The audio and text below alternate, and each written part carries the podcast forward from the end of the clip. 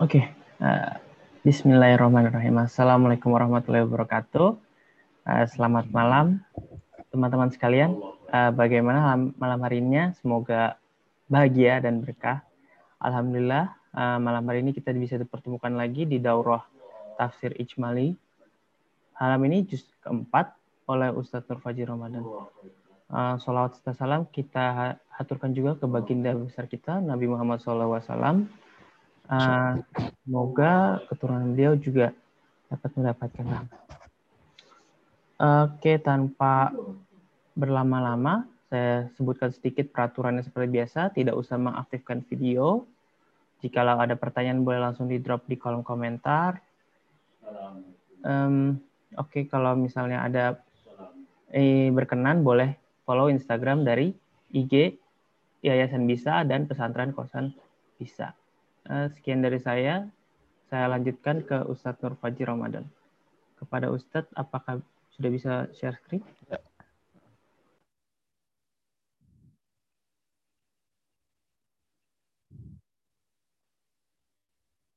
Terlihat nggak? Iya, terlihat.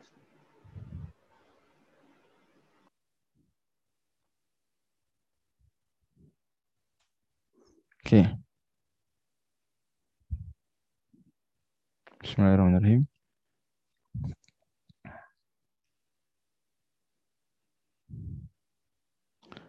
Assalamualaikum warahmatullahi wabarakatuh. Alhamdulillahirrahmanirrahim. Wa nasta'in wa bihi Wassalatu wassalamu ala Muhammadin wa ala alihi wa ashabihi ajma'in. Abad. Para hadirin dirahmati Allah Subhanahu wa taala, ini adalah uh, tafsir ijmali, penjelasan secara global tanpa terlalu memperhatikan urutan tanpa mendetail dalam sajiannya, mengambil highlight, mengambil bahasan-bahasan terpenting dari setiap juz Al-Quran. Yang semoga 30 menit per hari ini bisa menjadi pendamping tilawah harian kita selama bulan Ramadan agar tidak hanya kita mendapatkan pahala dari tilawah huruf-hurufnya, tetapi juga mendapatkan pelajaran dan pahala melimpah dari mentadaburi maknanya walau secara global. Juz 4, ini juz 4 maksudnya, dimulai surat Ali Imran ayat 93 dan berakhir di surat An-Nisa ayat 23. Surat Ali Imran, kita semua tahu tema besarnya adalah menjaga kemurnian tauhid dari gangguan eksternal dan internal. Walaupun kalau kita perhatikan, juz 3 kan surat Ali Imran terbelah sebagian juz 3, sebagiannya juz 4. Maka di bagian juz 3-nya menjaga kemurnian tauhidnya itu dari ahli kitab. Sementara di setengah yang kedua, juz keempat menjaga masih ahli kitab masih, tapi ada penekanan juga melawan orang-orang musyrik, melawan orang-orang musyrikin. Ini kalau di setengah pertama dari surat Ali Imran kita tidak jumpai pembahasan tentang jihad. Tetapi di setengah yang kedua dari surat Al-Imran, baru kita jumpai ayat-ayat yang sangat banyak. Bicara tentang tiga perang besar Islam, perang Badar, perang Uhud, dan perang Khandaq. Tapi kemudian pada akhirnya jihad adalah salah satu syariat, bukan semuanya. Jihad pada akhirnya bukan bentuk Islam suka kekerasan. Lahung di juz 2 saja sudah Allah paparkan bahwa kurhul lakum jihad atau perang fisik itu tidak disukai para sahabat. Sehingga pada akhirnya jihad harus dimaknai ia adalah perintah sebagaimana di surat An-Nisa tema besarnya perintah untuk bersatu padu dalam Islam berbingkaikan kasih sayang. Jihad itu sendiri adalah kasih sayang Allah kepada alam semesta. Di akhir juz 3 kita sudah dengar walaula daf'ullahi nasa ba'dhum bi ba'din la fasadatil ard. Andai tidak ada slack, tidak ada per, ya, jihad antara orang beriman melawan orang yang tidak beriman, la fasadat artinya saya bumi akan rusak. Tema besar surat Al-Imran begitu sinkron dengan tema besar surat An-Nisa. Surat Al-Imran menjaga kemurnian tauhid dari gangguan eksternal internal. Surat An-Nisa memerintahkan bersatu padu dalam Islam dengan bingkai kasih sayang mengingatkan kita bahwa tauhid itu sendiri memang berasal dari kata wahada yuwahidu menyatukan. Tauhid bermakna mengesahkan juga di sisi lain dari segi bahasa setidaknya atau dari sisi istilah secara tidak langsung menunjukkan ajakan untuk bersatu padu, menyatukan barisan. Mulai juz 4 kali ini saya mau memberikan penekanan lebih kepada pembagian ayat-ayat akidah, kemudian ayat-ayat syariah dan ayat-ayat hikayah. Sesuatu yang hanya tersirat di pertemuan-pertemuan sebelumnya tidak begitu uh, tegas dipisahkan.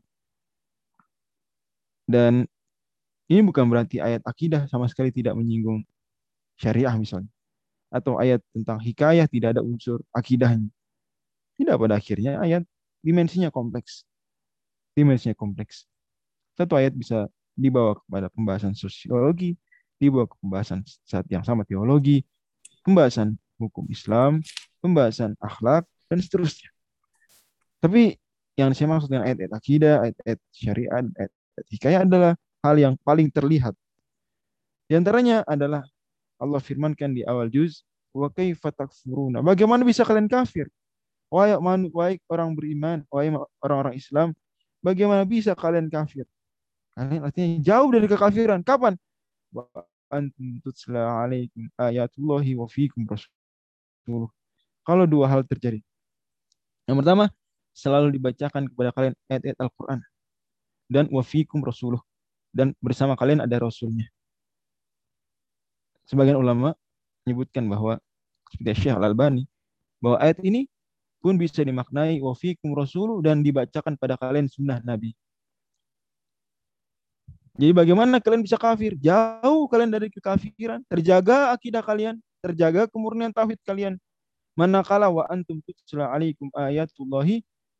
Selalu dibacakan pada kalian. Kalian dekat dengan Al-Quran. Wa fikum rasul. Kalian dekat dengan sunnah. Mempelajari hadis-hadis baginda Rasul Sallallahu Alaihi Wasallam. Kalaupun ada gangguan, kalaupun ada hal yang tidak mengenakan, maka bertakwalah sungguh-sungguhnya. Allah tegaskan, ittaqullah haqqa tuqatih ayat setelahnya. Dan itulah yang kemudian akan menyelamatkan seorang dari wajahnya menghitam.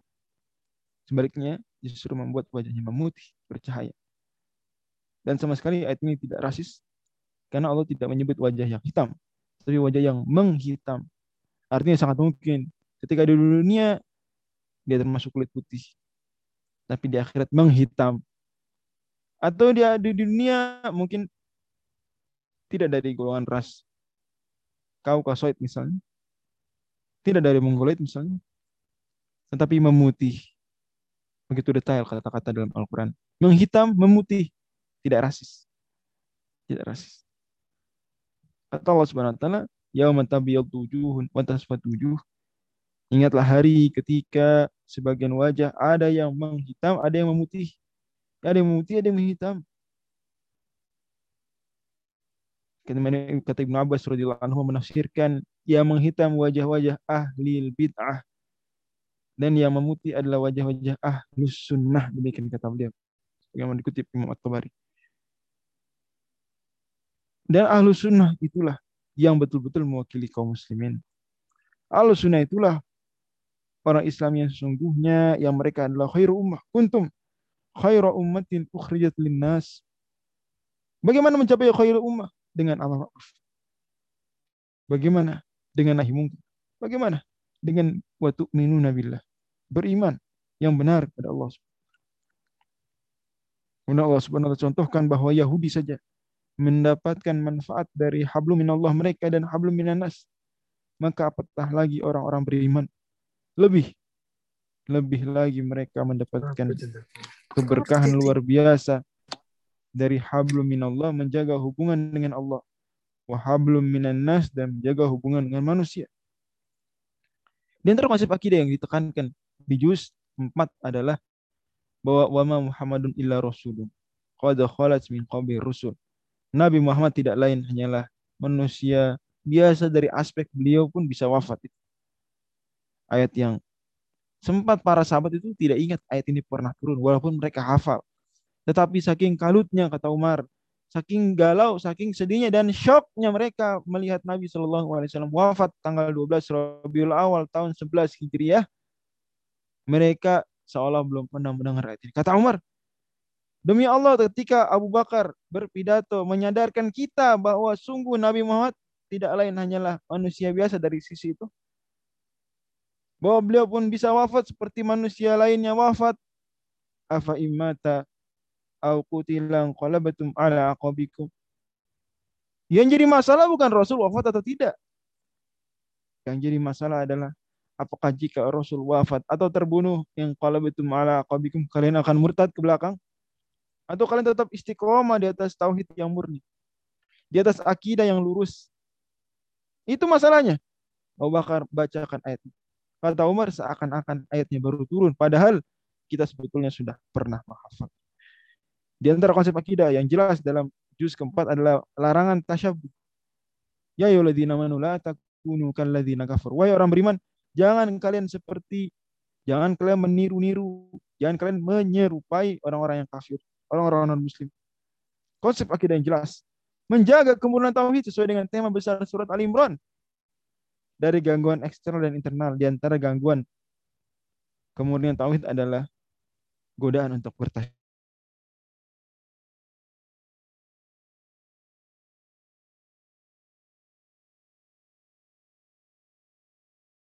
hidup.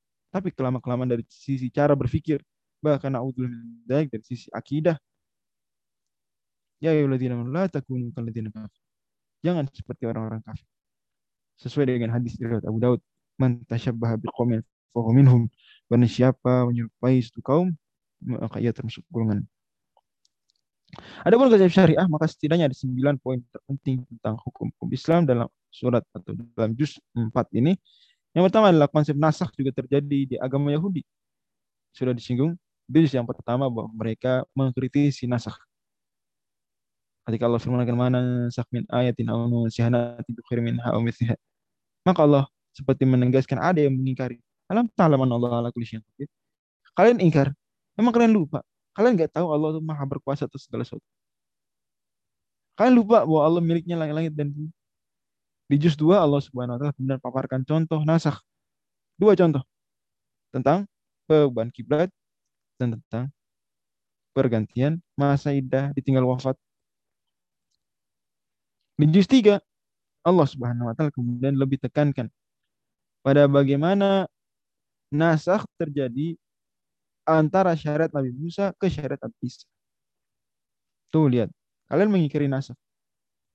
Lihat, pun syariat Nabi Isa menasah sebagian dari syariat Nabi Musa alaihi Maka di Yusuf 4 Allah kemudian menekankan, ah lihat, nasah pun terjadi di agama Yahudi. Jadi Yahudi sempat mengklaim, oke okay lah, Nasrani ini ada nasah.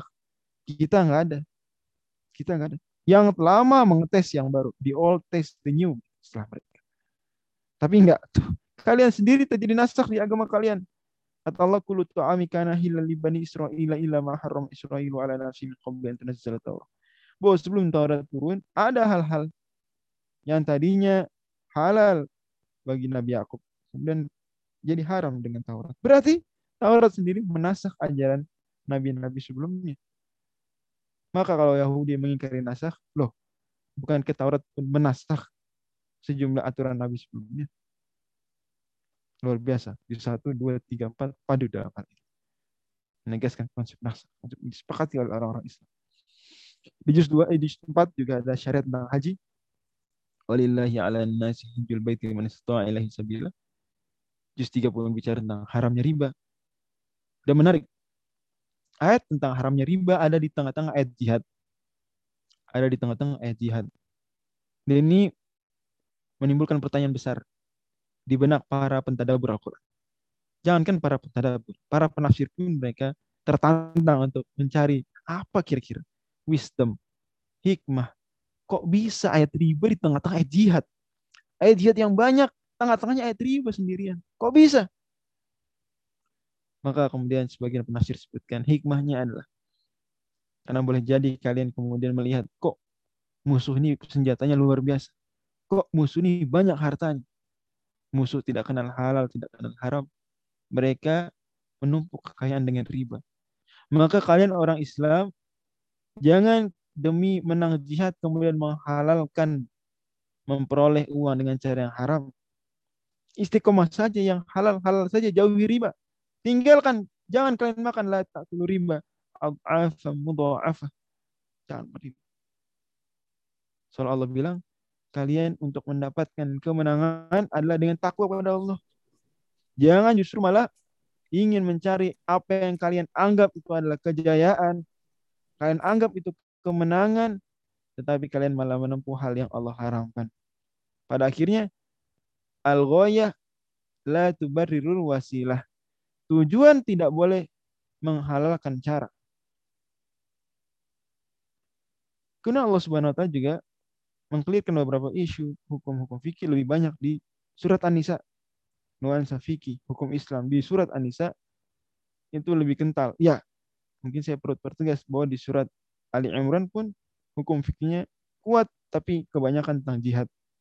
Kebanyakan tentang jihad, hukum-hukum jihad.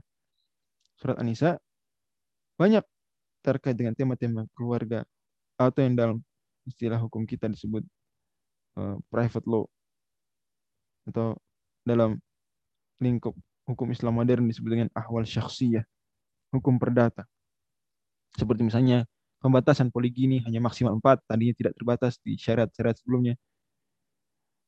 Kemudian kewajiban memberi mahar, wa nisa asuduqatina nikah. Kemudian bagaimana mengurus harta anak yatim, wa butalul yatama hatta idza balagun nikah. Konsep warisan terkenal sekali di surat An-Nisa. Ya awalnya dan nanti di akhirnya di juz ke lima pun Allah singgung.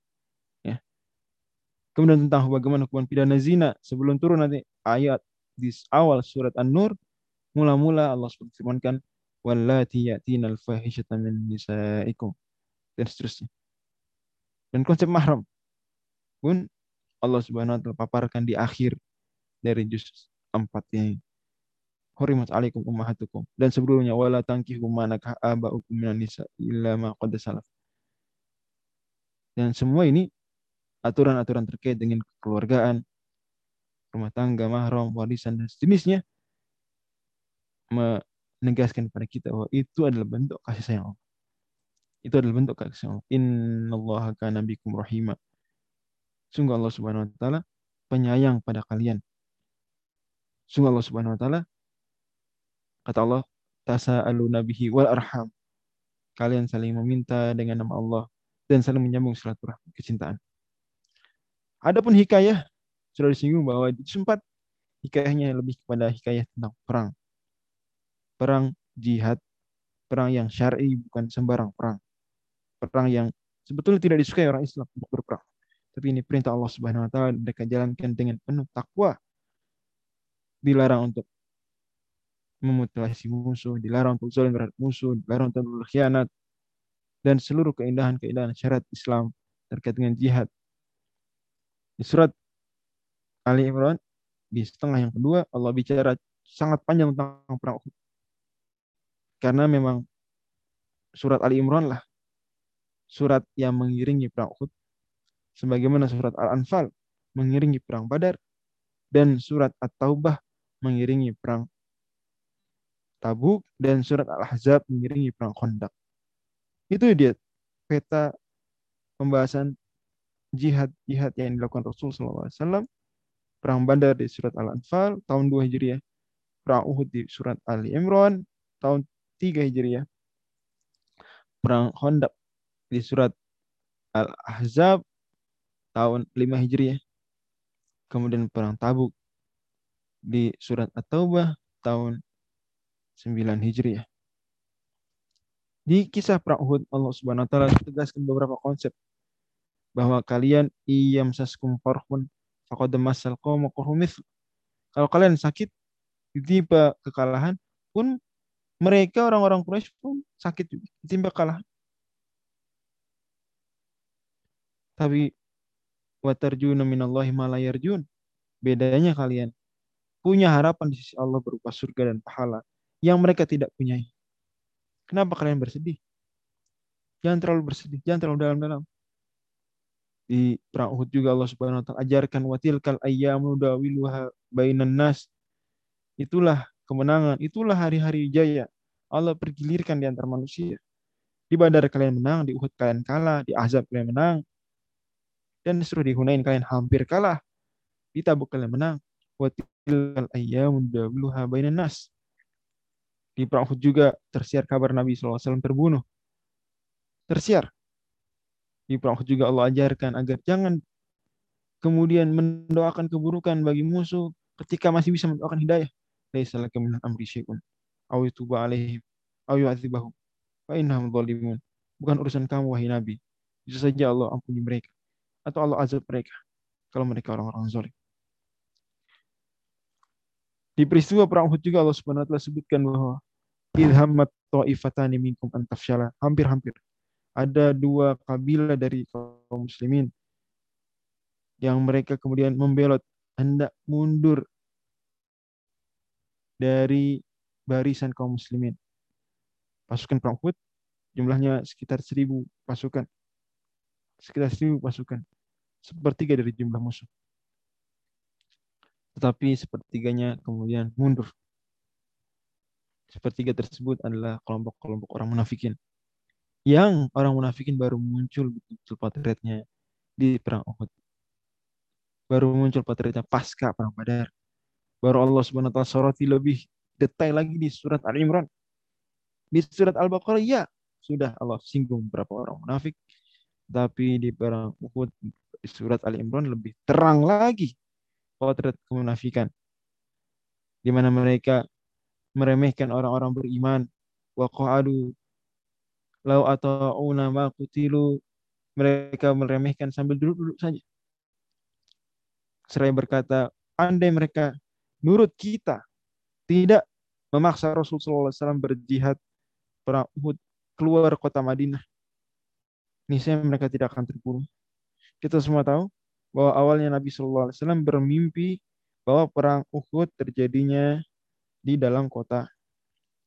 Nabi SAW menghimpun para sahabat termasuk di dalamnya orang-orang munafik yang menyamar jadi pengikut Rasulullah. Nabi SAW kemudian ceritakan mimpi beliau bahwa beliau mimpi perang Uhud di dalam kota. Ini atau lebih tepatnya beliau mimpi bahwa gigi beliau tanggal seperti itu dan beliau menawarkan strategi perang Uhud dalam kota. Lebih tepatnya seperti itu. Maka kemudian sebagian muslimin protes mengatakan kami wahai Rasul ingin sekali perang sungguhan karena kami tidak merasakan perang Badar. Kami tidak merasakan perang Badar. Maka izinkan kami untuk perang Uhud.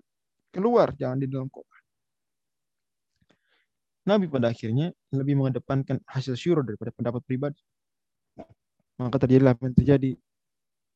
Di mana kata Allah Subhanahu wa taala, kalian justru malah menunjukkan kecintaan terhadap dunia. Minkum man yuridu dunya.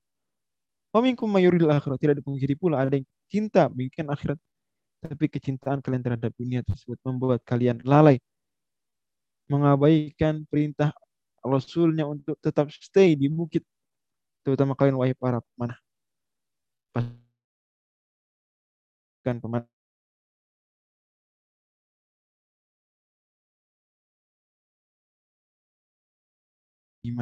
Sehingga meninggalkan pos pos pemanahan dan Khalid bin Walid yang saat itu merupakan panglima perang musuh pun berbalik menyerang mereka.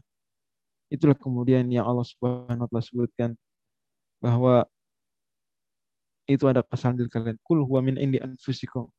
Kekalahan perang Uhud itu dari diri kalian sendiri. Awalam ma asobat musibatan qad asabatu mithliha qultum anna hadza. Kok kalian malah mempertanyakan dari mana ini kal? Padahal kalian sudah menang dahulu di perang Badar dua kali lipat. Kalian nanya di mana kok bisa kita kalah? Qul huwa min indi anfusikum. Itu sebab salah kalian sendiri. Makanya Allah ingatkan di perang Badar nikmat-nikmat Allah di perang Uhud Allah ingatkan nikmat Allah di perang Badar agar mereka ingat sadar bahwasanya Allah Subhanahu di perang Badar telah mengutus 3000 malaikat yang kemudian ditambah lagi dengan 5000 malaikat wa ma ja'alahu Allah illa busyra tidaklah Allah jadikan pengiriman malaikat kecuali sebagai pemberi kabar gembira. Agar memenang, menenangkan hati kalian. Pun di surat Al Imran Allah Subhanahu wa taala singgung perang Khandaq. Alladzina qala lahum nasu innan nasa qad jama'u lakum fakhshawhum fazadahum imana. Wa qalu hasbunallahu wa ni'mal wakil. Di mana sebagian orang musyrikin Abu Sufyan waktu itu masih musyrik berkata, sungguh seluruh manusia telah berkumpul untuk menyerang kalian. Innan nasa qad jama'u lakum fakhshawhum takutlah kalian pada musuh tersebut.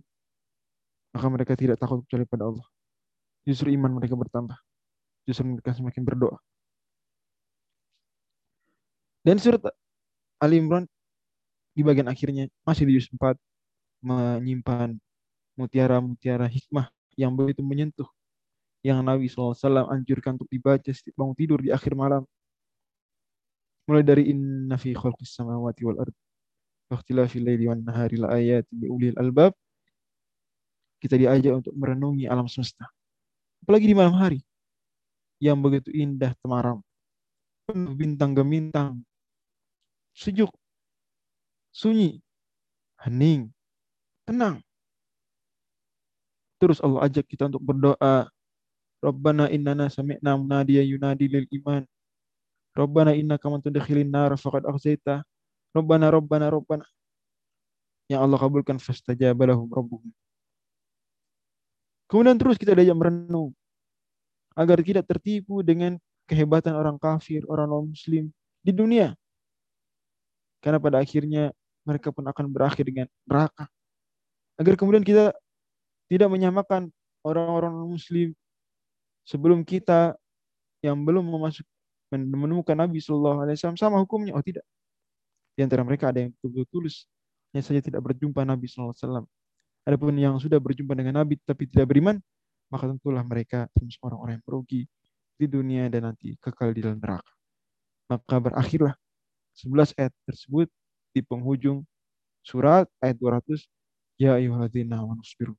Wahai orang-orang beriman, bersabarlah. Wasabiru dan sabarilah sabarmu itu. Sabarmu butuh disabari lagi. Sabarmu butuh disaling sabar menyabarkan. Butuh dimotivasi, butuh dikuatkan. Warabitu Wattaqullaha la'allakum muflihun dan bertakwalah kepada Allah agar kalian beruntung. Sangat kuat. Ya, sangat kuat ayat yang powerful. Di juz 4 juga Allah Subhanahu mengajari beberapa konsep. Konsep yang pertama konsep wasari'u ila maghfiratin. Bersegera menuju taubat, bersegera minta ampun. Di bulan Ramadan kita hadirkan ayat ini wasari'u ila maghfiratin mir rabbikum. Bersegera di sini juga Allah Subhanahu wa taala sebutkan konsep fabima rahmatin minallah lintalahum bahwa di antara yang memudahkan dakwah adalah sikap lembut, bijak, tidak tergesa-gesa, tidak keras ketika memang tidak ada hal yang menuntutnya. Dan itu semua harus diyakini si pendakwah bahwa andai dia lembut itu lembut bukan karena dia berakhlak baik semata. Lembut bukan karena mungkin bawaan dia oh tidak, tapi itulah fabima rahmatin minallah lembutnya seorang pendakwah, bijaknya seorang pendakwah bukan kehebatan si dai, tetapi rahmat dari Allah Subhanahu Fabima rahmatin Allah Dan kemudian bagi orang yang mungkin merasa hidup sangat gagal, merasa tidak memiliki lagi harapan untuk sukses, maka perlu diingat bahwa konsep sukses dalam Islam tidak terbatas pada dunia. Bahkan sejatinya urusan dunia sukses tidak sukses duniawi belaka tidak ada sangkut dengan akhirat pada akhirnya tidak terlalu terpuji. Bahkan mungkin bisa tercela. Tapi Allah Subhanahu wa taala kemudian ajarkan kita konsep sukses yang sesungguhnya yang bisa dicapai oleh setiap orang di planet bumi. Semuanya. Kata Allah, Barang siapa diselamatkan dari neraka. Udkhil jannah dimasukkan ke dalam surga. Faqad faza. Sungguh ia telah beruntung. Ia telah berjaya, ia telah sukses. Wamal hayatud dunya illa mata'ul ghurur. Jadi kehidupan dunia tidak lain dan tidak bukan. Hanyalah perhiasan yang menipu. Luar biasa. Sadar kita bahwa memang inilah hal yang menguatkan tauhid. Bahwa zuhud terhadap dunia. Bahwa warak berhati-hati dari bahkan hal-hal yang terkesan nampak halal. Pada akhirnya ketakuan itu sendirilah yang akan menjadi pembela terkuat, penjaga terkuat, benteng terhebat tauhid. Faman zuhzi'anin nari wa. Dan surat Ali Imran yang ditutup di pertengahan juz keempat ini pun kemudian membawa kita untuk menyadari bahwa barang siapa di antara para sahabat idza qara'a al-baqarah wa ala imran jalla fi ayunina sebagaimana Anas katakan bahwa kalau sahabat Nabi ada yang sudah hafal al-baqarah ada yang sudah hafal Ali Imran maka jalla fi ayunina begitu tinggi mulia kedudukan dia di mata kita para sahabat. Karena kita tahu begitu komplitnya pembahasan surat Al-Baqarah dan Al-Imran, begitu mewakilinya mereka isi Al-Quran seluruhnya, tepatlah mereka Allah jadikan Al-Baqarah dan Ali Imran datang pada hari kiamat. Kalau di konteks lain Al-Quran yang datang, ya yaumul kiamat syafian di ashabi, maka lebih khusus lagi surat Al-Baqarah dan Ali Imran datang bersama dengan datangnya Al-Quran. Datang di hari kiamat, membela tuhajjani an sahibihima. Keduanya membela orang-orang yang menghafal Al-Baqarah Al-Imran, membela orang-orang yang menguasai maknanya Al-Baqarah dan Al-Imran. Diseriusin dua surat. Wallahu a'lam bishawab. Semoga menjadi ilmu yang bermanfaat dan amal soleh. Dan pada akhirnya Allah Subhanahu wa menutup juz 4 ini dengan mengatakan, sungguh Allah Maha Pengampun, lagi Maha Penyayang. Assalamualaikum warahmatullahi wabarakatuh.